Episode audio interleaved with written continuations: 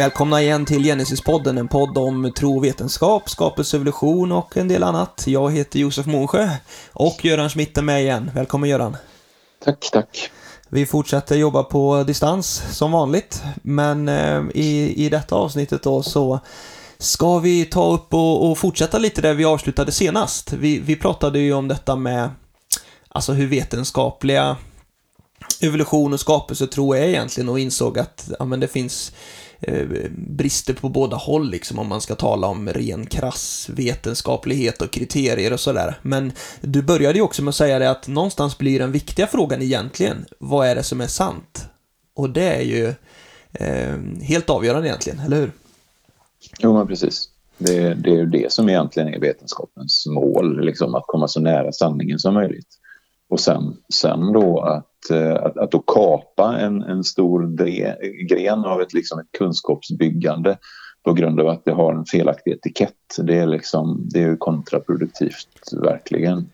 Det är ingen som tjänar någonting på. Mm. Sen ska man naturligtvis vara på sin vakt mot, jag menar, man kan ju, alltså, det handlar ju inte om att man ska blanda in astrologi i eh, astronomin eller, eller eh, man kan hitta på vad som helst. Eh, det handlar ju liksom inte om det. det är, men jag, jag, tror att det är så uppenbart med, med saker och ting som, som, som eh, man, man, kan pröva, man kan göra experiment, man kan visa att vissa påstådda vetenskapliga områden inte håller därför att de inte stämmer med evidensen. Eh, och då, då, är det bara att avfärda dem. Man behöver inte göra någon större sak av det. Man bara konstaterar nej, den modellen stämmer inte, alltså förkastar vi den.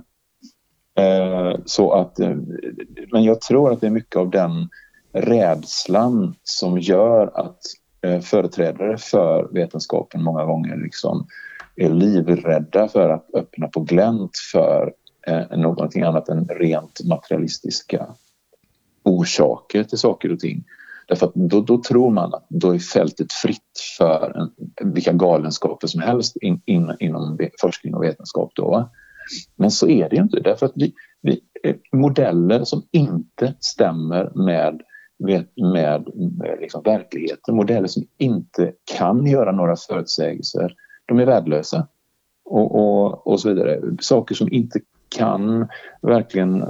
Jag menar om man nu gör eh, eh, påståenden om, om, om, vissa magiska företeelser då, eh, som förklaring till, till, till, till olika fenomen, ja men då testar man det och, och, och så förkastar man det.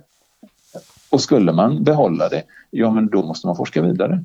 Det kanske inte är magi, det kanske är något annat. Eh, så. Och det är klart att i slutändan så blir det ju så att även om vetenskapsmän säger att nej, Gud, du får inte ha gjort detta. Så om Gud har gjort det så har han gjort det oavsett. Så, eh, och, och, det är ju lite eh, billigt sagt så, men, men det är ändå någonstans sant att det är klart att vetenskapen kan ju inte bestämma att Gud inte får ha gjort någonting. Nej, nej. Och jag menar, det har vi sagt tidigare också, liksom det, det, det, det, går ju inte att komma ifrån att hela den, alltså den moderna vetenskapen grundades ju av forskare som, alltså, som, som var bibeltroende. Som var helt övertygade om att Gud hade skapat universum och, och, och, och livet. Och jag menar, du har, vi har säkert nämnt massa gånger med, med Galileo och Copernicus och Linné och alltså Newton. All, alla de här stora, företagen, det, det, det var ju deras liksom insatser som vår moderna kunskap eh, och vetenskap bygger på. Så, så att eh, vore det en tro på Gud, en tro på Bibeln, om det vore någonting som diskvalificerade personen från att, eh, från att bedriva vetenskaplig verksamhet så, så eh, skulle ju allt falla. Liksom. Eh, så, så, att. Och, och, detta är ju då, vi har inte presenterat dagens ämne, men det hänger ju ihop liksom, för att det som jag sa i, i avsnitt senast var att vi skulle prata lite om detta med God of the Gaps, eller kunskapsluckornas mm. gud. Och mm, då, då är ju det argumentet från de som är kritiska till skapelsetron och sådär säger att nej men ni hänvisar bara till Gud för att vi har inte kommit så långt i vetenskapen än. Snart kommer vi upptäcka att, att det funkar naturvetenskapligt och då behövs inte Gud längre. Så då liksom eh, Vad säger du om Nej, men det precis. argumentet? Ja, men, eh, jo, men alltså det, det, det vi får höra många gånger det är att vi resonerar ungefär så här. Att ja, men, ja, men vi, vi säger att vi, vi kan observera ett visst förhållande då i naturen eller sådär. Och så sen så, så, så säger vi så här att ja, men det här skulle inte evolutionen ha kunnat åstadkomma. Alltså måste Gud ha gjort det. Så. Alltså om man resonerar på det sättet då, då åberopar man då det som brukar kallas för kunskapsluckornas gud. Alltså, då. alltså bara för att vi har luckor i vår kunskap så måste Gud ha varit där och gjort, viftat med sitt trollspö. Då, va? Så, så, eh, och, och, och, vad kan det vara som vi identifierar då? Ja, men det kan till exempel vara det här att ja, men i levande celler, eh, till exempel en cell från en människa, så finns det då jättestora mängder med meningsfull genetisk information. Så. Eh, kan evolutionen förklara det? Nej, allt måste Gud ha gjort det. Men det är inte riktigt så som vi resonerar faktiskt. Eh, utan man måste... Man, alltså, det heter så. Alltså, man vill gärna påskina att det är så resonera, vi resonerar. Men då har man inte läst vad vi faktiskt skriver. Men de har inte lyssnat på vad vi faktiskt säger. För nu ska jag förklara hur vi resonerar. Vi identifierar alltså en viss, ett en viss förhållande, till exempel den där informationen då. Okay? Alltså i DNA. Och sen så konstaterar vi evolutionsstudien idag kan inte förklara det. Det kan finnas, alltså man gör gällande att jo då, det kan vi visst göra, men, men det är enbart utifrån att man är övertygad om evolutionens faktum och det kan inte ha gått till på något annat sätt. Men eh, ser vi krasst till, till, till vad man faktiskt kan förklara och, och de modeller så kan man inte förklara det. Okej, okay. evolutionsteorin kan idag inte förklara det här fenomenet. Sen konstaterar vi då att när det gäller det här med meningsfull information så konstaterar vi att levande, medvetna, smarta varelser eh, som vi människor till exempel skapar ständigt jättestora mängder av meningsfull information. Alltså varje sekund som vi sitter här och pratar nu så skapar vi mer information än vad det skulle ta för slumpen årmiljarder och, och, och, och slumpa ihop bokstäver. Så, så att, det kan man konstatera. Det, det är alltså ett, ett konstaterande av hur verkligheten faktiskt ser ut. Sen konstaterar vi så här vidare att det finns ingen människa på jorden som är tillräckligt smart för att kunna skapa så sofistikerad information som faktiskt finns i levande varelser. Till exempel den information som finns i en befruktad äggcell av en människa. Den, när den informationen översätts och förverkligas så blir det en mänsklig varelse som kan tänka och skapa musik och konst och månraketer och datorer. Så, att, så att det kan vi konstatera, det finns ingen människa som är så smart. Och därför, därför, därför är den bästa förklaringen att det finns en levande superintelligent gud som har gjort det. Så vi observerar ett förhållande, vi konstaterar att evolutionen kan inte förklara det. Vi kan konstatera att levande intelligens, medvetna varelser kan skapa just det fenomenet. Men ingen kan göra det. Eh, ingen människa på jorden kan göra det. Därför pekar vi på att förklaringen måste vara högre. Det vill säga, det måste vara Gud som gjorde det. Så därför kan man säga så här att skapelsemodellen då, eller intelligent design om man nu vill det, använda det uttrycket då. Det är inte alls en brist på evidens som, som vi, alltså vi, vi bygger inte på några kunskapsluckor utan vi bygger på vad vi faktiskt vet om världen, rationella slutsatser om vad vi vet om orsak och verkan och sådana saker. Och det här handlar inte bara om livets information, alltså i DNA, utan det här handlar om livets ursprung, det här handlar om vad mutationer åstadkommer, vad naturligt urval åstadkommer. Så det är hela tiden på det sättet vi resonerar. Evolutionen kan inte förklara det, men det finns evidens som tyder på en annan förklaring. Så det, det är Just det, det pekar, evolution, det pekar på en designer liksom då. Ja, och, för visst är det, för jag kan ju... Men, men, mm. ja, ja, nej. lite ivrig här. Ja, jag, jag kan köra på det lite. Men jag tänker det ibland, Göran, så här att, att det här argumentet att ni hänvisar till kunskapsluckornas gud, att det är lite taget ur intet liksom. Är det verkligen ett verkligt argument överhuvudtaget? För att någonstans så, antingen så kommer ju naturvetenskapen tydligt kunna fylla alla luckor, eller också kommer den inte det. Antingen kommer naturvetenskapen kunna visa att livet kan uppstå av sig självt genom naturlagar. Eller också kommer det inte det. Ja, och kommer det inte det, ja men då kan man välja mellan att antingen konstatera nej, vi har ingen förklaring, vi kommer antagligen inte att få det. Eller eh, det, vi kommer att få det om kanske tusen år. Eh, eller det kanske finns en annan förklaring. Det kanske är så att det finns en gud. Men det där sista alternativet, det, det, det, det vill man inte kännas vid utan det är det där, alltid det där andra alternativet som man, som man stannar för. Och det, det, det vill säga evolutionsbiologerna resonerar så här. Vi identifierar ett visst förhållande. Till exempel då det här att det är massor med meningsfull information i varenda cell av en människa. Och sen så konstaterar de att ja, men idag inom evolutionsteorin så har vi ingen bra förklaring på det. Men om 10 eller 100 år eller 1000 år då kommer forskningen säkert att ha hittat en naturlig förklaring på det här.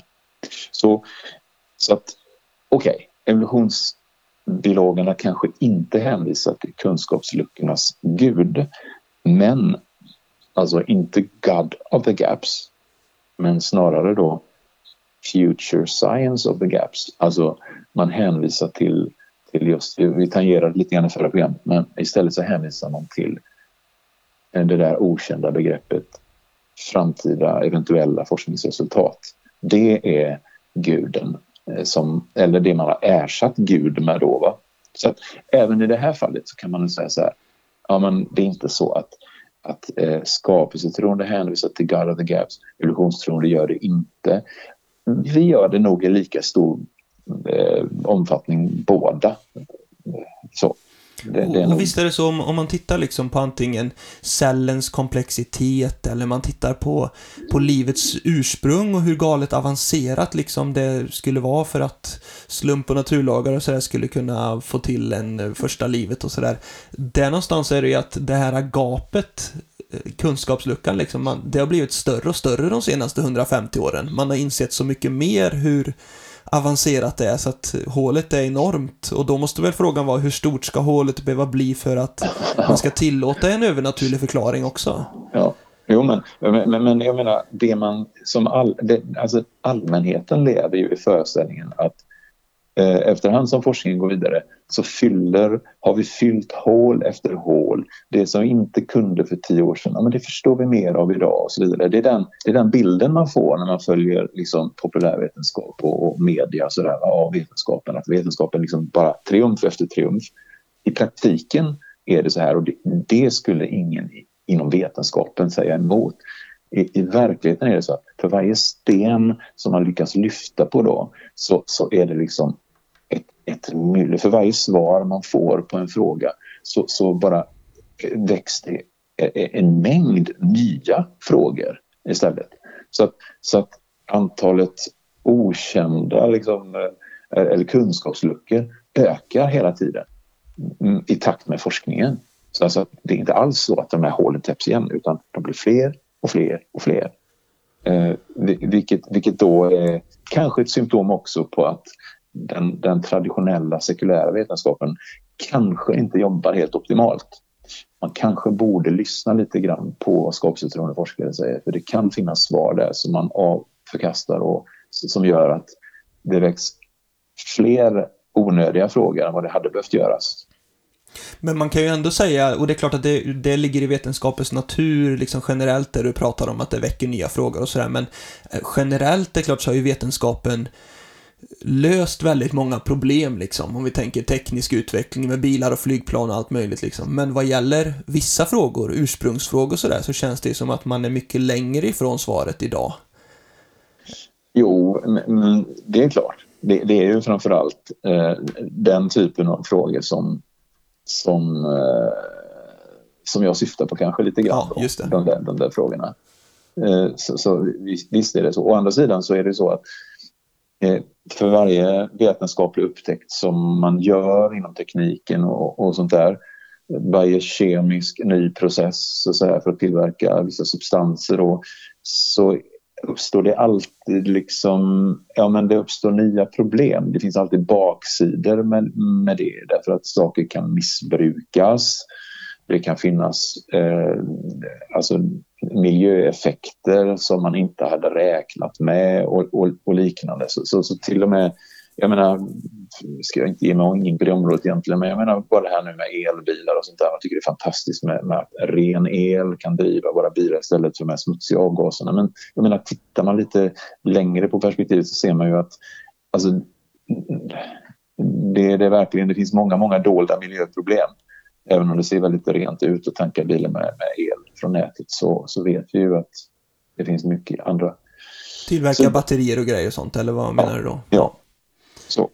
Just det. Men... Att, eh, men det är ju inget vet, alltså det, det, det, det, här är ju inte vetenskap, det är inte för att degradera vetenskapen. Alltså där. Vi ska ju vara jätteglada för, att, eh, för naturvetenskapen, självklart. Och det är därför så många kristna och bibeltroende engagerar sig i forskning också. Men vad gäller ursprungsfrågorna, om vi kommer tillbaka, där skulle du ändå säga att där har hålen har ju snarare vuxit de senaste hundra åren, på många områden. Ja. ja, frågorna har kvarstått och de har snarare blivit eh, mer, mer graverande för evolutionsteorin skulle jag säga. Då. Så eh, att, eh, det finns ingen an, som helst anledning för evolutionsbiologer att kasta sten i glashus när man hävdar att vare sig det som vi pratade om i förra programmet, att, att skapelseperspektivet inte skulle vara vetenskapligt och inte heller det här med, med God of the Gaps utan, utan vi sitter i samma båt eh, och det är, det är liksom strävan att komma närmare sanningen som bör prägla Eh, all vetenskap eh, och man bör inte fästa så stor uppmärksamhet vad som är vetenskapligt eller inte vetenskapligt eller pseudovetenskapligt för det kommer att visa sig i det långa loppet. Det handlar om att hushålla med forskningsresurserna och då ska man inte satsa på döda hästar utan eh, då, då ska man vara beredd att ompröva. Då. Liksom man kanske kan konstatera att ja, men, det kanske ändå krävs en, en, en skapare för att skapa livet.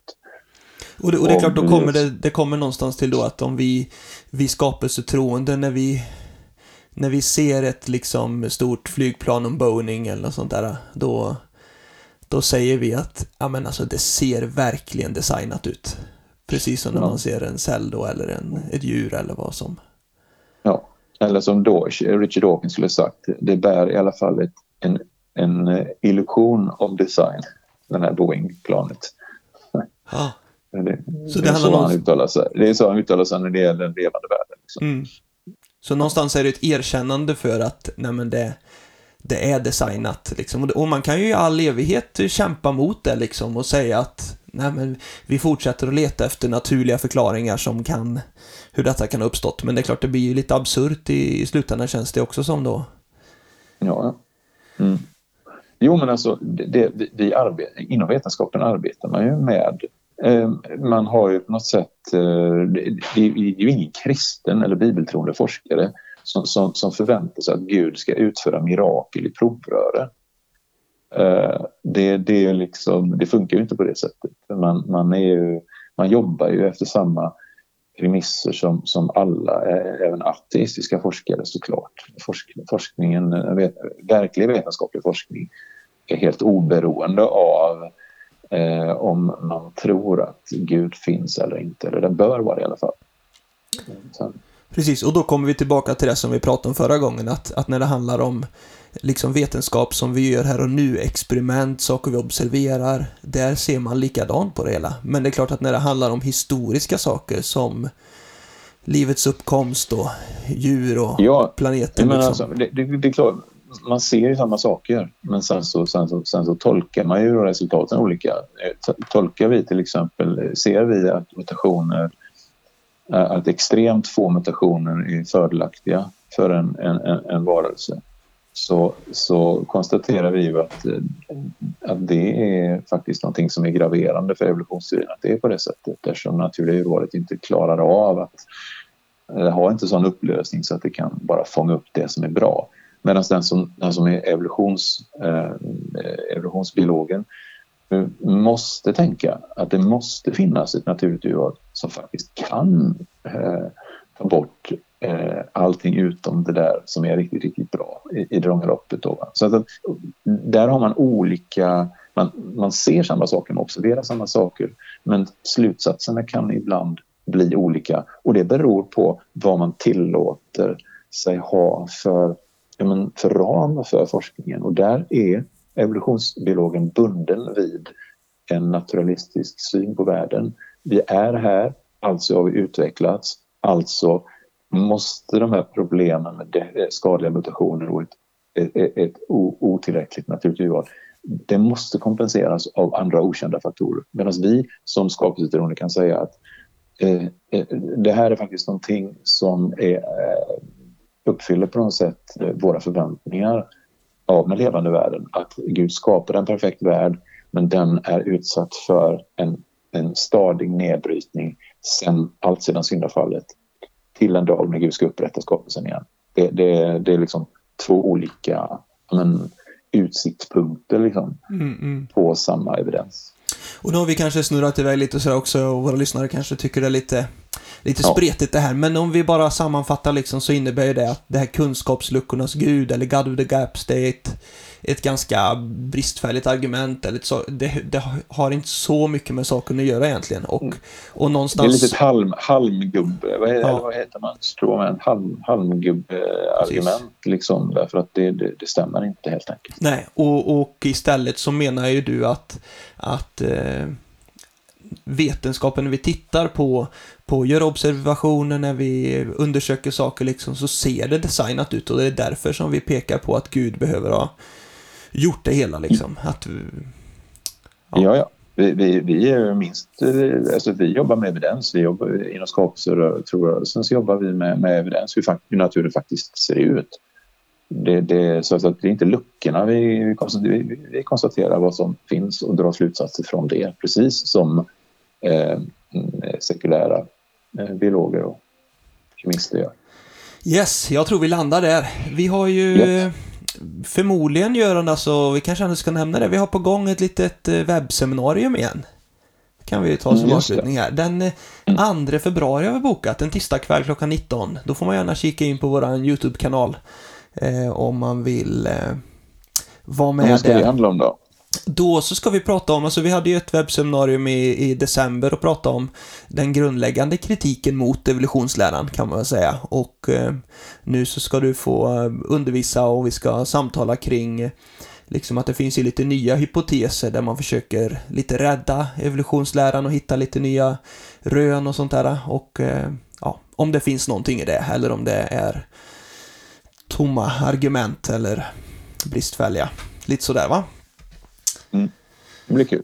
Det blir spännande. Så dyk gärna in på det. Kika in vår YouTube-kanal. Vi har ju lite andra videor och sånt där också. De ligger ju uppe på vår hemsida med. Men den 2 eh, februari klockan 19 så kommer vi ha en, eh, ett webbseminarium där man kan ställa frågor också. Så det är en möjlighet om man vill eh, skjuta in lite frågor direkt liksom där istället för att bara skicka in på mail och få det i efterhand.